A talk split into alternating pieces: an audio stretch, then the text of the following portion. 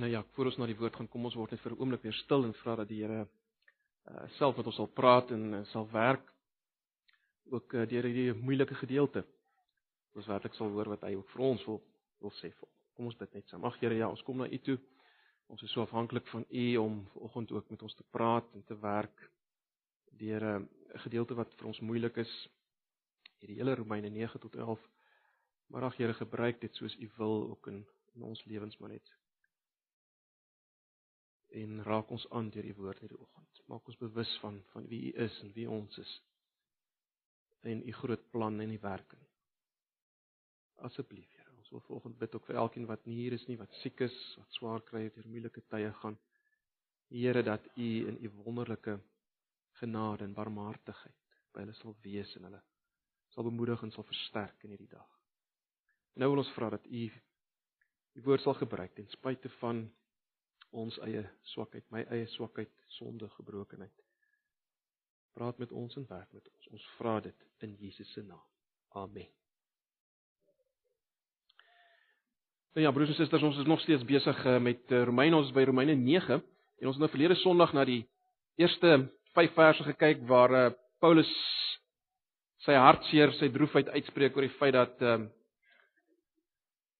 sy eie mense ehm um, weg is van die Here. As te ware onder God se vloek staan terwyl hulle eintlik uh terwyl al hierdie wonderlike beloftes eintlik hulle toekom. En hy's baie hartseer daaroor.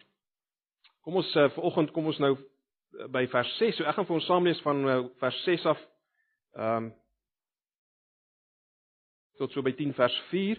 Dis min of meer die gedeelte wat ons uh vanoggend gaan na kyk. Ek lees maar die 53 vertaling. Vers 6 Maar ek sê dit nie asof die woord van God verval het nie, want hulle is nie almal Israel wat uit Israel is nie. Ook nie omdat hulle Abraham se nageslag is, is hulle almal kinders nie, maar in Isak sal jou nageslag genoem word. Dit wil sê nie hulle is kinders van God wat die kinders van die vlees is nie, maar die kinders van die belofte word gereken as die nageslag. Want dit is die woord van die belofte omtrent hierdie tyd sal ek kom en Sara sal 'n seun hê. En nie alleen dit nie, maar ook Rebekka was swanger uit een naamlik Isak ons vader want toe die kinders nog nie gebore was nie, nog geen goed of kwaad gedoen het nie, dat die voorneme van God volgens die verkiesing kon bly staan, nie uit die werke nie, maar uit hom wat roep. Is waar gesê die oudste sal die jongste dien. Soos geskrywe is, Jakob het ek liefgehad en Esau het ek gehaat. Wat sal ons dan sê, is daar miskien onreg by God? Nee, stellig nie.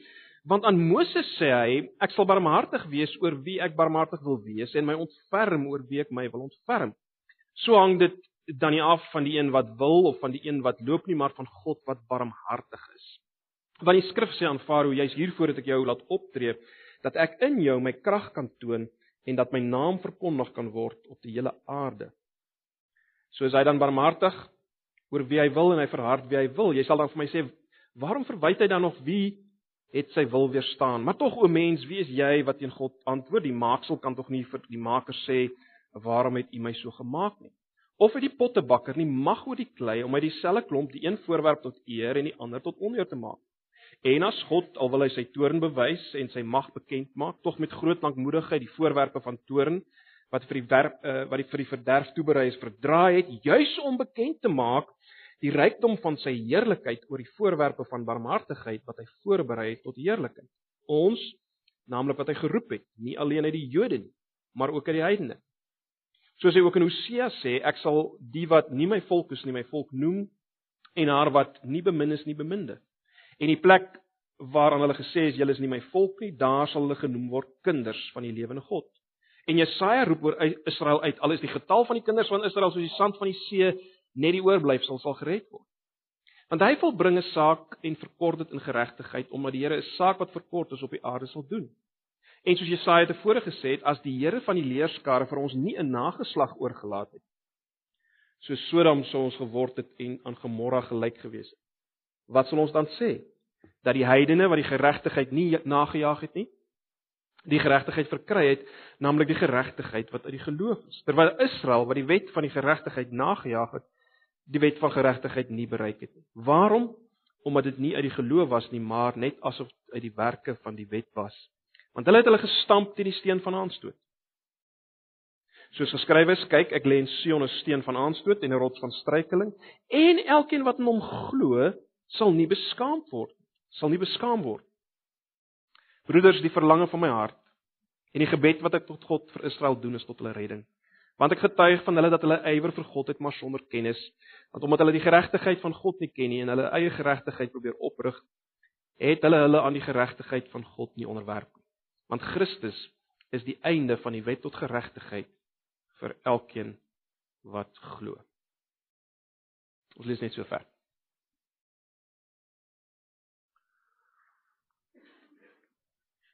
Nou ons het verlede Sondag vir mekaar gesê dat ehm uh, as jy 'n kaart het en jy verstaan nie lekker die kaart nie en jy kom nie lekker by die plek uit wat jy wou uitkom nie, uh sou dit waarskynlik 'n fout wees om tot die konklusie te kom dat die outeur van die kaart, die persoon wat die kaart opgestel het, 'n fout gemaak het. Jy moet maar net weer 'n keer na die kaart gaan kyk, maar net dit deeglik bestudeer. Kyk of jy dit reg lees. Die vraag wat Paulus hier in hoofstuk 9 tot 11, uh, eh, ek sê 9 tot 11 want dit is baie baie belangrik. Ek sê dit weer dat ons hoofstuk 9 tot 11 as 'n eenheid hanteer, né? Nee, ons moet dit as 'n eenheid hanteer. Die vraag wat Paulus hier in hoofstuk 9 tot 11 beantwoord is dit: Het God die outeur van die kaart van die verbondsbeloftes as jy wil, het hy 'n fout gemaak? Anders gestel is hy ontrou aan wat hy beloof het, het sy woord verval. En natuurlik die rede waarom Paulus hierdie vraag moet beantwoord uh was dit die gemeente van Rome net soos baie van die ander gemeentes in daai tyd het op daai stadium bestaan uit meer heidense Christene as Joodse Christene. En die vraag is hoe kan so 'n situasie in lyn wees met God se beloftes? Dis dan nou net 'n paar Joodse Christene en 'n klomp heidene, uh, heidense Christene. Hoe kan dit in lyn wees met God se beloftes? Ek meen, het God nie beloof om sy Messias na Israel te stuur nie? Om sy volk Israel te verheerlik nie? Om hulle te seën in die koninkryk nie? Is dit nie wat hy beloof het nie? Hoe kan daardie beloftes vervul word in 'n kerk uh wat bestaan uit meer heidense Christene as Joodse Christene? Met ander woorde, dit lyk met ander woorde, dit lyk asof God A beloof het en B doen. Of ons kan vra hoe op aarde kan B werklik gebind word aan A as die vervulling van van wat beloof is. So dis die dis die konkrete situasie daar uh wat Paulus as te ware moet beantwoord. En natuurlik vir ons uh het dit ook iets te sê want as God eenmaal wonderlike beloftes gemaak het, daai ongelooflike beloftes waarna ons gekyk het in hoofstuk 5 tot Die feit dat niemand kan teen ons wees nie, want God is vir ons, selfs in ons lyding en ons swaar kry, dit alles word deur hom ingeskakel vir ons ten goeie. As God daardie beloftes maak, wie sê hy gaan dit nie weer verander nie? As hy sy vorige beloftes wat hy aan Israel gemaak het verander het. So julle sal sien, dis ook 'n vraag wat belangrik is vir ons om te vra. Hou God sy woord? Hou hy by sy beloftes? So dis die saak wat op die tafel is. So as ons nou kom by vers 6 tot 13, begin Paulus nou om hierdie vraag te beantwoord. En wat Paulus gaan doen is hy gaan baie duidelik wys, nou ons gaan dit sien, hy gaan baie duidelik wys God se woord het nie verval? Nee. Hy gaan wys dat die evangelie en Jesus en die baie heidende en die min Jode, dis alles in lyn met God se belofte. Dis wat Paulus gaan wys. Dis alles in lyn met God se beloftes. Hy begin om hulle daarop te wys dat In Israel se eie verbondsgeskiedenis was almal wat etnies Jode was, die nageslag van Abraham was, was nooit deel van die verbondslyn nie. Dis wat hy in vers 6 wys. As hy sê almal wat uit Israel is, is nie Israel nie. Met ander woorde, moenie nou kyk na die feit dat alle Jode nie deel is van die Christelike kerk en sê God se beloftes het verval nie, want uh, dit was eintlik nog nooit so dat almal wat etnies Jode was deel was van God se verbondslyn nie. Ja, God het Israel gekies, ons weet dit, maar binne Israel het hy ook keuses gemaak uh om die belofte deur sekere mense voor te sit en nie deur ander nie. Hy het Israel gekies, maar hy het ook binne Israel keuses gemaak om die verbondslyn voor te sit of die beloftes belofte voor te sit deur sekere mense en nie ander nie. En baie belangrik, wat Paulus wys is dit. Die ware Israel was dus nog altyd die kinders van hierdie belofte. Ek sê dit weer want julle moet dit in julle agterkop hou. Die ware Israel was nog altyd die kinders van hierdie belofte. Nou, miskien is dit net belangrik om op hierdie punt te verstaan waaroor gaan die verkiesing hier in hoofstuk 9. Die verkiesing hier in hoofstuk 9 gaan in die eerste instansie oor Israel se verkiesing tot 'n sekere doel. Dis waaroor dit hier gaan. Dit het verseker iets te sê ook vir ons verkiesing, maar op 'n tweede vlak. In die eerste plek gaan dit hier oor Israel se verkiesing tot 'n sekere doel. Kom ons maak net 'n paar opmerkings voor ons insak op eh, op hierdie gedeelte. Onthou, ons weet dit, ons het gesien in ons studie van die Ou Testament, maar ons moet onthou Israel is gekies vir 'n baie spesifieke doel of dan Abraham is geroep vir 'n baie spesifieke doel, hy en sy nageslag, né? Nee. Gaan lees maar Genesis 12, Genesis 15, Genesis 17, Genesis 22 en julle sal dit sien. Wat was die doel? Om uiteindelik 'n seën vir die nasies te wees. Dis hoekom Abraham en sy nageslag gekies is. Om 'n seën vir die nasies of die wêreld te wees.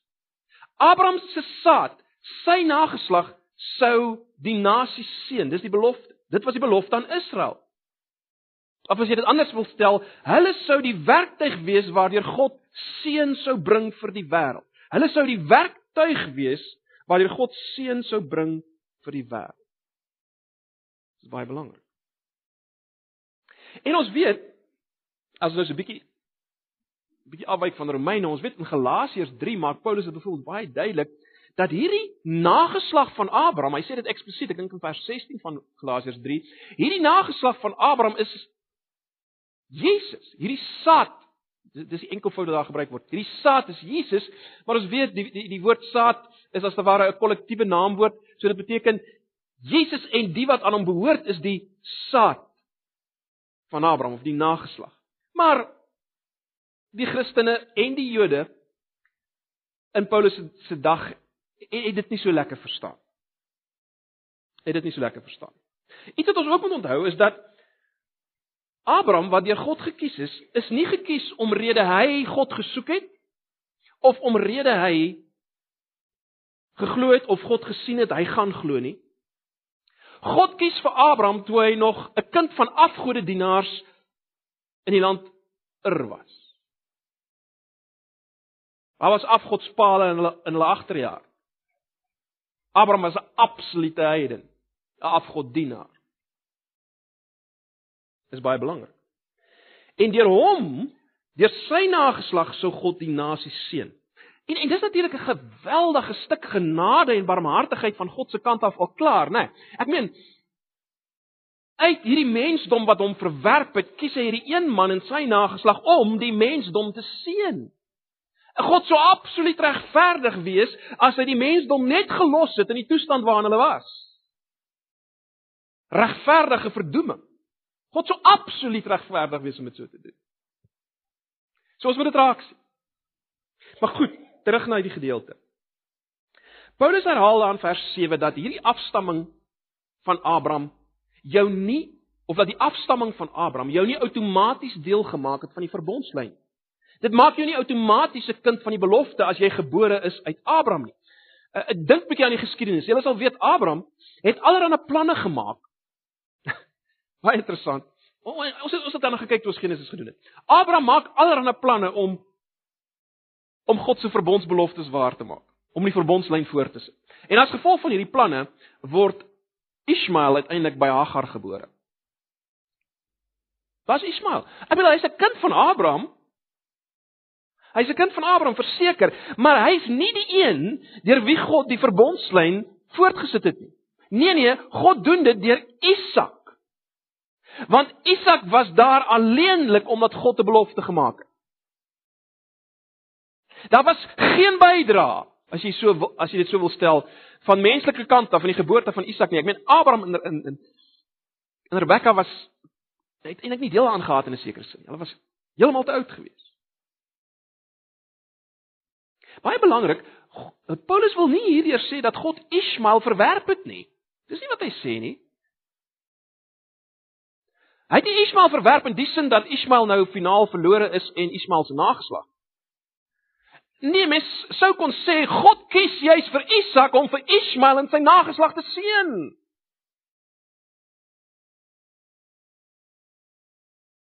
Baie belangrik. Wat ons ook moet raak sien is dat Paulus lê klem op die feit dat God absoluut soewerein is in wat hy hier doen. Sy keuses hang hoegenaamd nie af van die werke of of prestasie of posisie of vooruitgesiene geloof. Met ander woorde, hy kyk nie vooruit en kyk wie sou dalk aan hom gaan glo en en hy kies hulle nie. God se manier van werk, sy keuses is hang glad nie daarvan af nie, né? Nee. In sy keuses van wie hy gaan gebruik vir sy doelwitte, speel hierdie dinge glad nie 'n rol nie. Kyk, jy kon dalk nog logies redeneer dat ja, wel. En natuurlik uh, is Ismael nie die een waar die verbondslyn voortgesit word nie, want want uh ek meen Hagar was tog net 'n sla, slavin, so Ismael is in 'n sin is bietjie van 'n 'n tweede klas uh kind van Abraham. So mense sou nog daarmee kon wegkom, maar dan kom Paulus en hy sê, "Wag, wag, wag. Dink aan Rebekka se twee seuns, Jakob en Esau. Hulle is gebore uit dieselfde ma. En voordat hulle enigiets kon doen, voor hulle geboorte het God 'n keuse gemaak vir een en nie die ander een nie. En dan haal Paulus ook uit Malagi 1 vers 2 tot 3 aan en dis 'n aanhaling wat mense gewoonlik bietjie pla want daar staan Jakob het ek lief gehad en Esau het ek gehaat. Nou natuurlik verwys Malagi in sy konteks in die eerste plek na die volke wat voortgekom het uit Jakob en Esau, nê, nee, na Israel en en Edom. Dis waaroor Malagi Malagi se gedeelte gaan waar hierdie aanhaling vandaan kom. En in in 'n verbondskonteks uh beteken die terme een het ek liefgehad en een het ek gehaat bloot die een het ek gekies en die ander nie. Dis ons moet nie meer daarin lees nie, hoor. En die klem is hier op Jakob of dan Israel wat weer eens gekies is vir 'n sekere doel en baie belangrik, weer eens leer God nie dat Esau en Edom vir ewig verwerp is in 'n ewige sin van verdoeming nie. Weer eens, Jakob is gekies om uiteindelik 'n seun te wees vir Edom. Baie belangrik. Maar dit bring ons by vers 14 tot 24. In vers 14 vra Paulus of antisipeer hy die vraag wat mense sal vra, maar is dit dan nie is dit dan nou nie onregverdig nie? En dan sê Paulus implisiet, hy sê dit nie eksplisiet nie, maar hy sê implisiet: "Nee, hoe kan daar sprake wees van onregverdigheid?"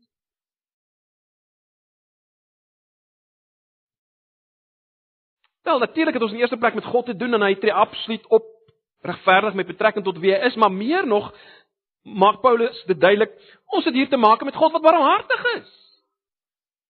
Ons het hier te maak met God wat barmhartig is.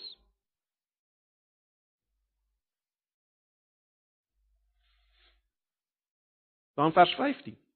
Want dan Moses sê ek sal barmhartig wees oor wie ek barmhartig wil wees en my ontferm oor wie ek my wil ontferm. Nou uh natuurlik die agtergrond sal julle weet is die gedeelte waar uh, die volk die goue kalf gemaak het. En dan sê God vir vir Moses hy gaan hierdie hy gaan hierdie volk uitdelg. En dan sê Moses: "Nee, wat delg my liewers uit. Maar wees getrou aan u verbondsbeloftes. Wat sal die wêreld sê as jy hulle uitdelg?" En dan sê God vir Moses: "Ek sal barmhartig wees oor wie ek wil barmhartig wees." So dis die konteks. En dan is God barmhartig. Hy is getrou aan sy beloftes. Hy gaan voort om hierdie rebelse volk te gebruik vir sy doelwitte.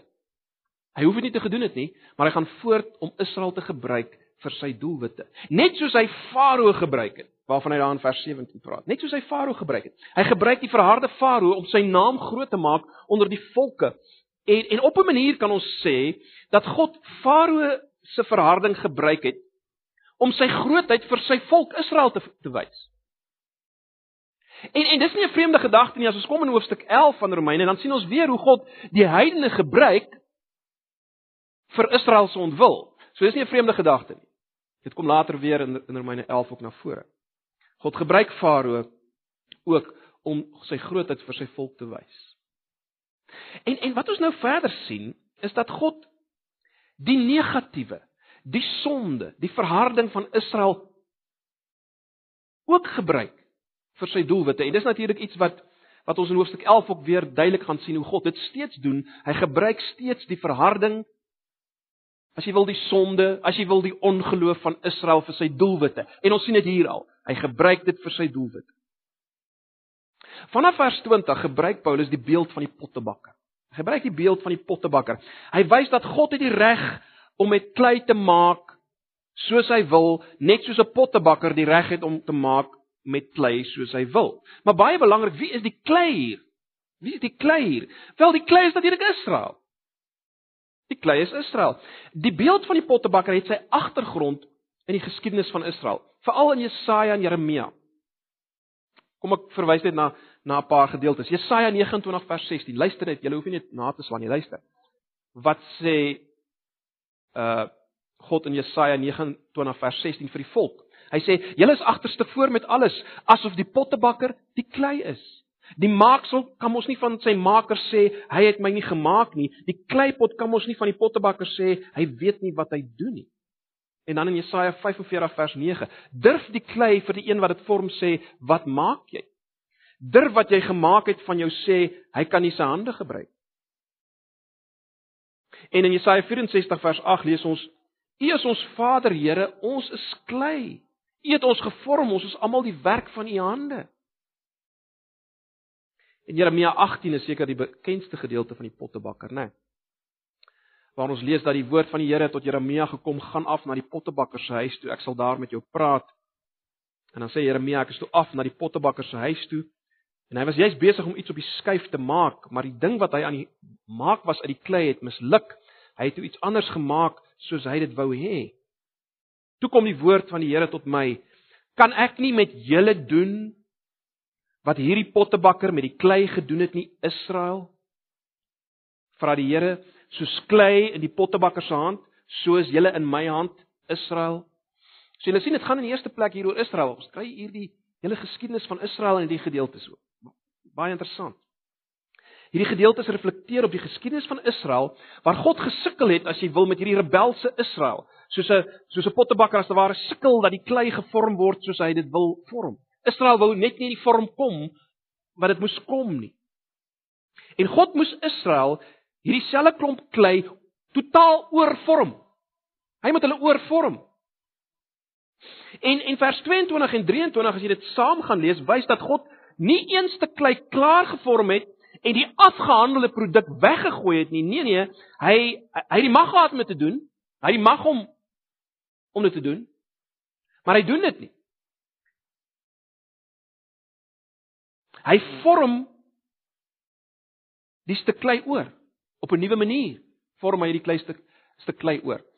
Uh die die, die verwysing na die voorwerpe van toren uh in vers 22 of of die die die die, die voorwerp van toren wat vir verderf berei is klink weer vir mense asof God me, uh, God as te ware mense geskep het vir verdoeming. Maar natuurlik is dit weer eens nie die punt nie. Ons is steeds besig met die rebelse Israel. En baie interessant ook net so terloops dat ehm uh, die die die woord wat hier gebruik word is 'n is 'n is 'n bietjie tegnies, maar net vir die wat daaraan belangstel dalk. Uh, dis dis 'n sogenaamde partisipium in die Grieks, 'n deelwoord. En jy kan hierdie deelwoord hier spesifiek in hierdie frase kan jy of as 'n sogenaamde middeldeelwoord vertaal of jy kan dit as 'n passiewe deelwoord vertaal. As jy dit as 'n middel 'n middeldeelwoord om dit so te stel vertaal, dan staan hier dat hierdie voorwerpe het hulle self vir die verderf voorberei. So jy kan jy kan dit regverdiglik so vertaal, korrek taalkundig so vertaal. Of as jy dit as 'n passiewe deelwoord gebruik, dan kan jy sê hulle is of deur hulle sonde vir die verderf toeberei of hulle is deur God vir die verderf toeberei. Maar natuurlik, hoe hoe jy, hoe jy dit ook al sien, dit gaan hier oor wat met die Jode gebeur het spesifiek tydens die ballingskap. Ons weet deur deur hulle verbondsverbreeking het hulle onder God se toorn gekom. Onder die vloek van verbondsverbreeking gekom. En hulle is in ballingskap weggevoer, maar nou baie belangrik. Hierdie ballingskap van die volk het iets tot gevolg gehad.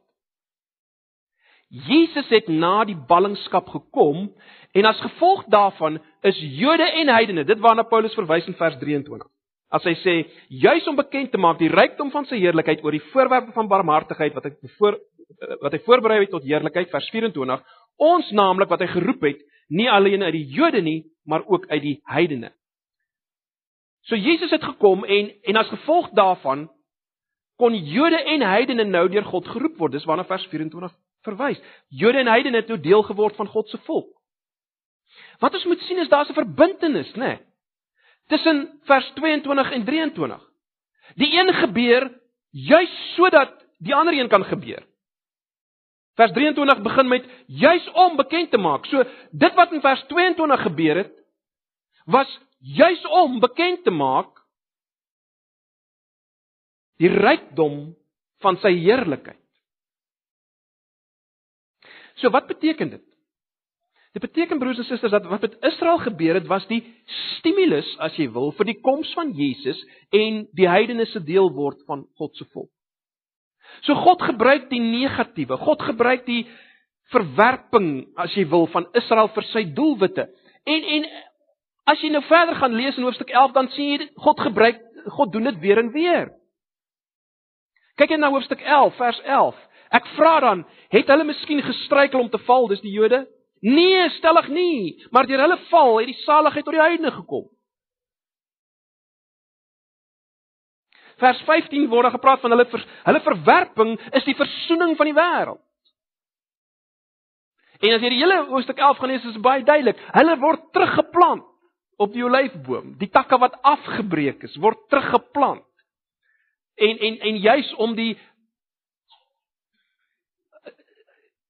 of laat ek so sê, hier is 'n hele proses aan die gang in hoofstuk 11, né? Nee, die die die die die die heidene se se se verhard of die die die Jode se verharding laat die heidene inkom en en dit maak weer die Jode jaloers en so meer. Die die punt is God gebruik dit vir sy doelwitte. Ons gesien dit in hoofstuk 11. God het hierdie negatiewe, hierdie verwerping gebruik. So God vorm die klei oor. En die oorvorm van sy klei is geweldig radikaal. Heidene word nou deel van die ware volk van God. Heidene word deel van hierdie volk. En dis waar vers 25 en 26 inkom. Dis 'n baie interessante aanhaling. Die aanhaling in vers 25 en 26 kom uit Hosea. Paulus noem dit ook so in vers 25. Soos hy ook in Hosea sê, ek sal die wat nie my volk is nie, my volk noem en haar wat nie bemind is nie beminde en in 'n ander plek waar aan hulle gesê is julle is nie my volk nie. Daar sal hulle genoem word kinders van die lewende God. Nou in die konteks van Hosea gaan dit oor Israel. In die eerste plek nê nee, dit is waaroor dit gaan. Uh God maak dit baie duidelik of die profeet verklaar dat God God sal weer die Israeliete wat hy as te ware nie sy volk gemaak het nie, hy gaan hulle weer sy volk maak. Hulle gaan weer sy volk genoem word. Dit is die konteks van Hosea.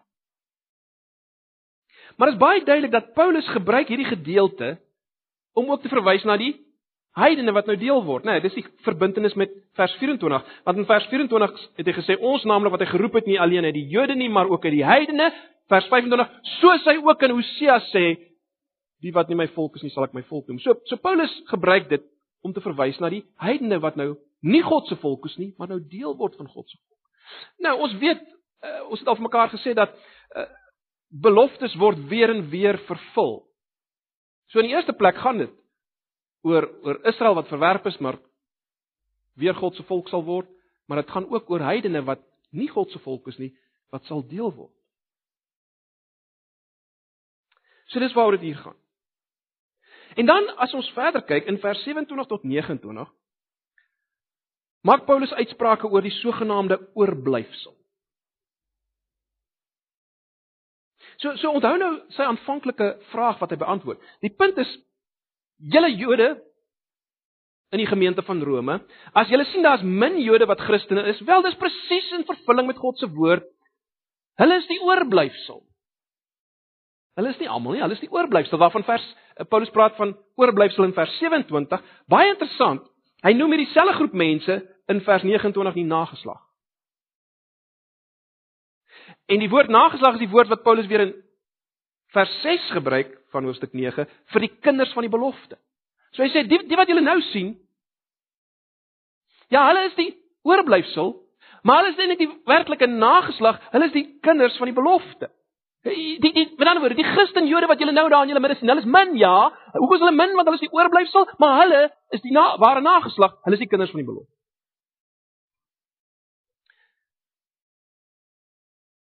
Jy sien die min Jode is daardie Jode wat geroep is volgens vers 24 en hulle is die oorblyfsel en God het gesê dit gaan so wees. Baie belangrik uit 'n ander hoek gesien is die rede hoekom hierdie oorblyfsel min is en steeds min is is die feit dat die meerderheid Jode hulle gestamp het teen Jesus. Of kom kom ek sê so, hulle hulle hulle het op 'n verkeerde manier die geregtigheid nagejaag om in die regte verhouding met God te wees of hulle het verbondsgetrouheid op die verkeerde manier nagejaag as jy dit so wil noem. Dis waaroor Paulus hier praat. Maar kyk na vers 33. In vers 33 stel hy dit in terme van dat hulle hulle gestamp het. sien julle dit? Soos geskrywe is, ek lê in Sion 'n steen van aanstoot en 'n rots van struikeling. In vers 32 het hy al gesê uh die die die, die hele vers sê so waarom omdat dit nie uit die geloof was nie maar net asof dit uit die werke van die wet was want hulle het hulle gestamp teen die steen van aanstoot. So wat gebeur het die, die Jode het Jesus nie aanvaar nie, ons weet dit. Paulus sê dis die steen van aanstoot waarteen hulle gestamp het. Waarvan Jesaja praat?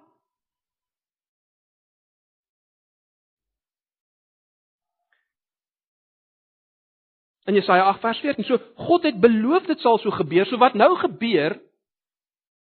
Die feit dat baie Jode nie glo in Jesus nie, hulle eie geregtigheid najag. God het dit beloof in Jesaja 8 vers 14. Hy het gesê hulle gaan hulle stamp. Hy het gesê hulle gaan hulle gaan hulle stamp teen die teen die steen van aansoos. En ons weet daai gedeelte verwys na Jesus. Ag Jesus self haal daai gedeelte aan Eh, en wys dit verwys na hom die die rots van struikeling, die steen van aanstoot, né, waarvan Jesaja praat.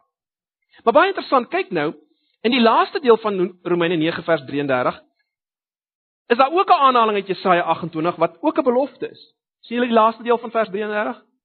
En elkeen wat in hom glo, sal nie beskaam word nie.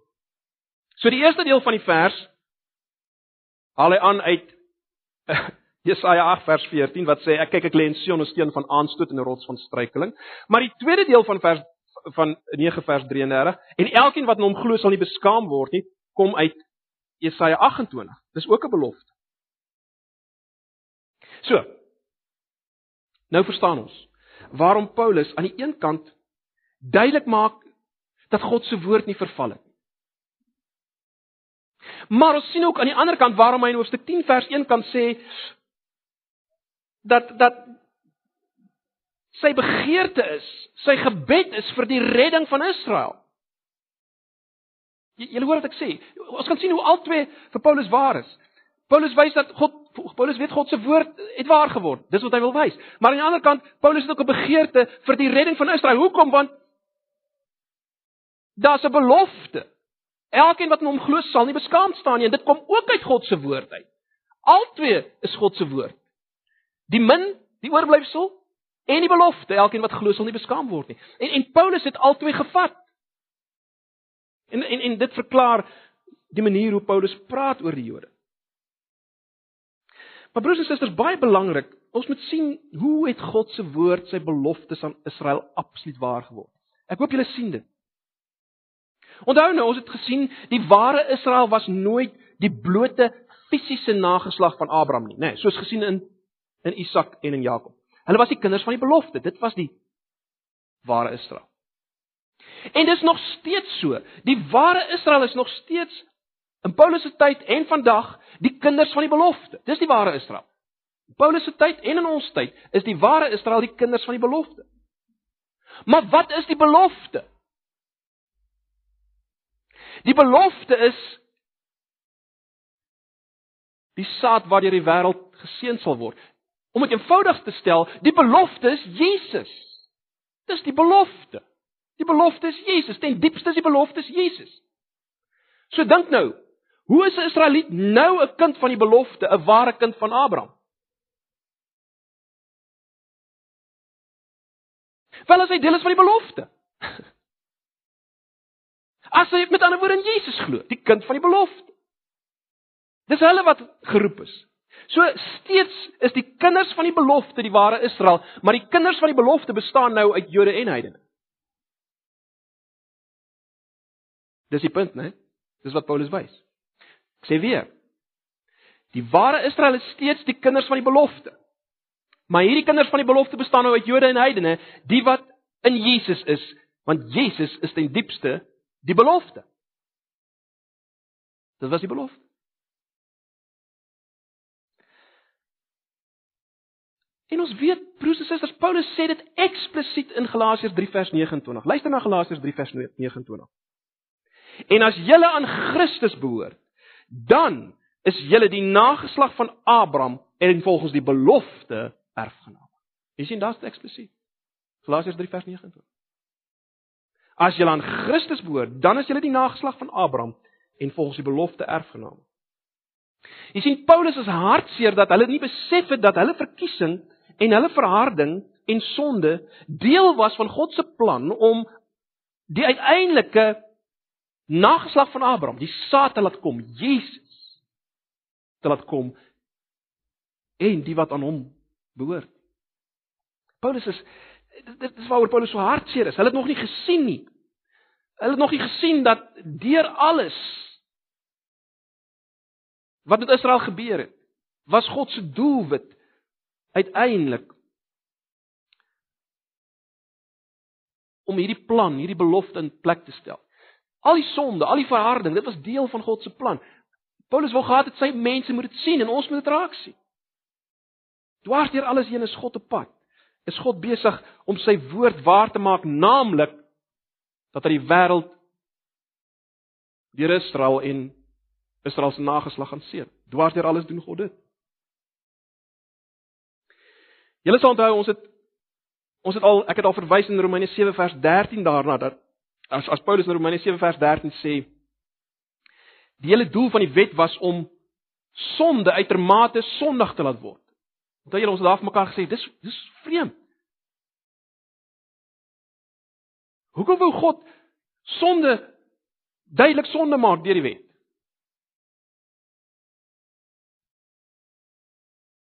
Wel, As ons nou die hele prentjie sien, dan sien ons hoekom, né? Nee. Die wet wat gegee is vir die volk se doel was om sonde te laat meer word. As te ware as jy die beeld wil gebruik sonde op 'n hoop te te hark sodat Jesus onder daardie sonde kon inkom. Onder die vloek van verbondsverbreeking waarvan Galasiërs ook praat. Jesus kom onder dit in. Jesus word nie God se volk in daardie oomblik aan die kruis in die plek van die volk. Jy sien alles is in God se plan. Ja, ook die gee van die wet, die wetsbedeling, die ou verbondsbedeling was deel van God se plan om te handel met sonde in Jesus die ware Israel. Julle sal weet reeds in in 9 vers 5 het Paulus gewys dat Jesus is ook uit Israel na die vlees. Hy begin in Romeine 1 alreeds met die feit dat Jesus was na die vlees uit die geslag van Dawid. Dis belangrik. Jesus was as te ware Israel. Hy staan in die plek van Israel. Baie interessant, Matteus noem hom in Matteus 1 vers 1 die seun van Abraham. Die seun van Abraham. Ag, broers en susters, ons moet dit sien. En daarom het ek gelees tot by 10 vers 4 want in 'n sekere sin, eers as jy by 10 vers 4 kom, dan sien jy eksplisiet waarna toe was Paulus al die tyd op pad. Waarna toe is Paulus op pad?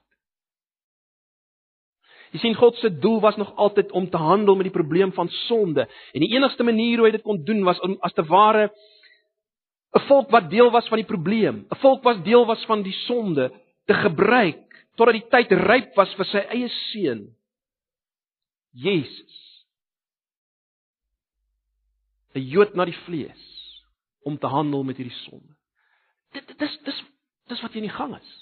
En ek weet dit is 'n bietjie bietjie moeilik miskien om maar ek hoop julle sien iets daarvan. Dis waarmee God besig is. En volgende Sondag sal ons 'n bietjie insak op hoofstuk 10. Maar kom ons maak 'n paar punte van toepassing. Ons bring 'n bietjie nader aan ons wat hier sit. En ek dink die eerste punt wat ons kan vat is dit. God doen presies wat hy beloof het. Sy plan verander nooit nie, sy woord verander. Broers en susters, ons kan dit vat. Ek hoop julle sien ons kan dit vat vir ons. Al die beloftes wat ons in Romeine gesien het, wat betrekking het op ons, is vas en waar.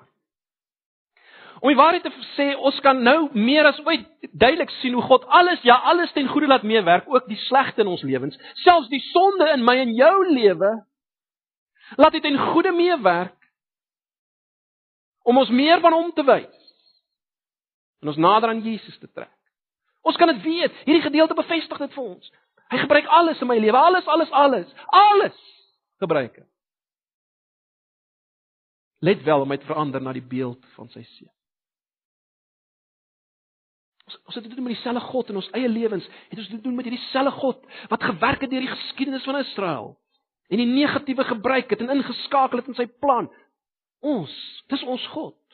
Né? Nee, so ons ons kan dit vat volgens. Ons kan vat die die vastigheid van sy beloftes en sy plan. 'n Tweede punt wat ek wil maak is dit. Ons moet sien dat God ook ons onvoorwaardelik met klem op onvoorwaardelik gered en gekies het. Ek het aan die begin vir julle gesê hierdie gedeelte gaan nie in die eerste plek oor verkiesing tot saligheid. Maar sekondêr het dit verseker iets vir ons te sê daaroor. Net soos God Israel onvoorwaardelik gekies het, 'n belofte gemaak het, getrou gebly het aan daardie belofte, ten spyte van al die morele mislukking van die mense wat hy gebruik het en ingeskakel het. So is my en jou verkiesing en my en jou redding uiteindelik totaal en al afhanklik van God se belofte en God se keuse. En nie enige iets in ons ook nie vooruitgesiene geloof nie. Onvoorwaardelik. Is dit geen deel daarin? Niks. Onvoorwaardelik. Want jy sien, uit 'n ander hoek gestel. Ons, ons het dit nou vir mekaar gesê, is kinders van Abraham. Ons is deel van hierdie selfe geskiedenis. Jy sien, ons is ons is deel van hierdie geskiedenis van God se onvoorwaardelike roeping en sy onvoorwaardelike lyn wat hy volg. Sonder enige bydrae van mense af. Ons is deel daarvan want ons is ingeskakel daarbey. Dis my en jou geskiedenis. Jy sien jy niks om oor goed te voel nie. Jy's daarbey ingeskakel. Maar dit maak jou redding ook soveel meer seker en vas. So dis belangrik. Ons is ook onvoorwaardelik gekies en gered. En dan wil ek 'n volgende punt maak. As jy die bulletin het, sal jy sien ek ek maak die stelling Jesus is die spieël van die uitverkiesing. Dis terloops 'n term wat Calvin gebruik. In Efesiërs 1 vers 4 lees ons dat God het ons let wel voor die grondlegging van die wêreld in Jesus gekies. En ek dink dit maak alles nou duidelik sin, nie waar nie? Ons is in Jesus gekies. Jy sien, daar bestaan nie so iets van God wat willekeurig sekere name op 'n lys sit en ander name nie op 'n lys nie. Nog erger, sekere name op 'n lys om te gered te word en ander name op 'n lys om te verdoem. Dit jy sien, jy kry dit nie in die Bybel nie. Van ewigheid was God se plan Jesus. Jesus en sy liggaam. Jesus en die wat aan hom behoort. Die kinders van die belofte. En dit word 'n werklikheid. Hierdie verkiesing word 'n werklikheid histories deur geloof. Maar hierdie geloof, let wel, is nie weer 'n bydrae vir werk nie, ons moet dit verstaan. Dis hoe genaamd nie 'n stuk prestasie van jou kant af nie. Dis hoe genaamd nie iets waaroor jy kan goed voel ek het nou geglo nie. Nee. Geloof is absolute magteloosheid. Geloof is 'n erkenning ek kan niks doen nie. Geloof is leeg. Geloof klou net vas aan Jesus.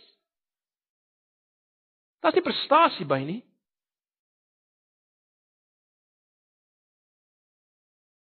En baie belangrik, die wat nie glo nie, dis nie God wat hulle nie wat hulle God wat hulle verwerp het nie.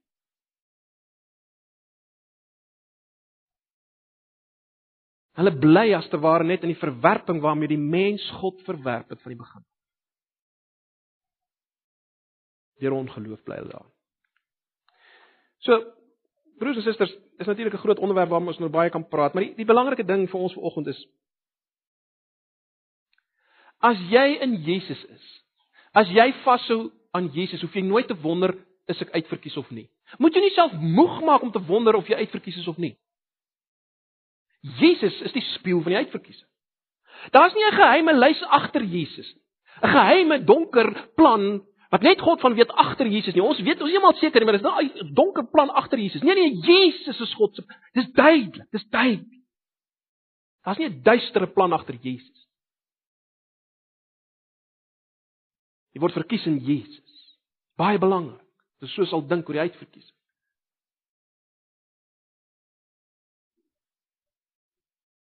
Sy plan is Jesus. Jesus die belofte. Jesus die saad van Abraham. Glo in hom en jy kan weet jy is deel van God se uitverkorenes. Jy's 'n kind van die belofte, jy's 'n kind van God.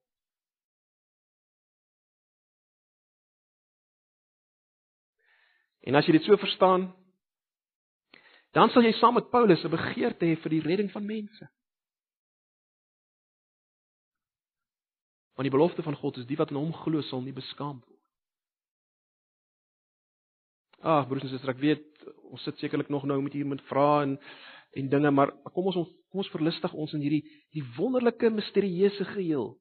Hierdie plan van God, hierdie manier van werking. Mag die Here ons daardeur bemoedig en versterk. Kom ons bid saam. Ag Here, baie dankie vir u woord. Ook hierdie moeilike gedeelte in Romeine 9. Dankie vir u self, dankie vir die plan. Dankie dat ons kan deel wees hiervan soos ons ook nou later sal sien in hoofstuk 11 dat ons deel kan word van die olyfboom Israel deur genade deur geloof. Dankie vir u barmhartigheid. Die onbegryplike barmhartigheid. So anders as ons eie genade, ons eie barmhartigheid, so onverdiend, so onvoorwaardelik. Ons dankie daarvoor wil U ons bemoedig en versterk in hierdie gedeelte. Ons vra dit net in Jesus se naam. Amen. Kom ons sluit af met 'n laaste lied.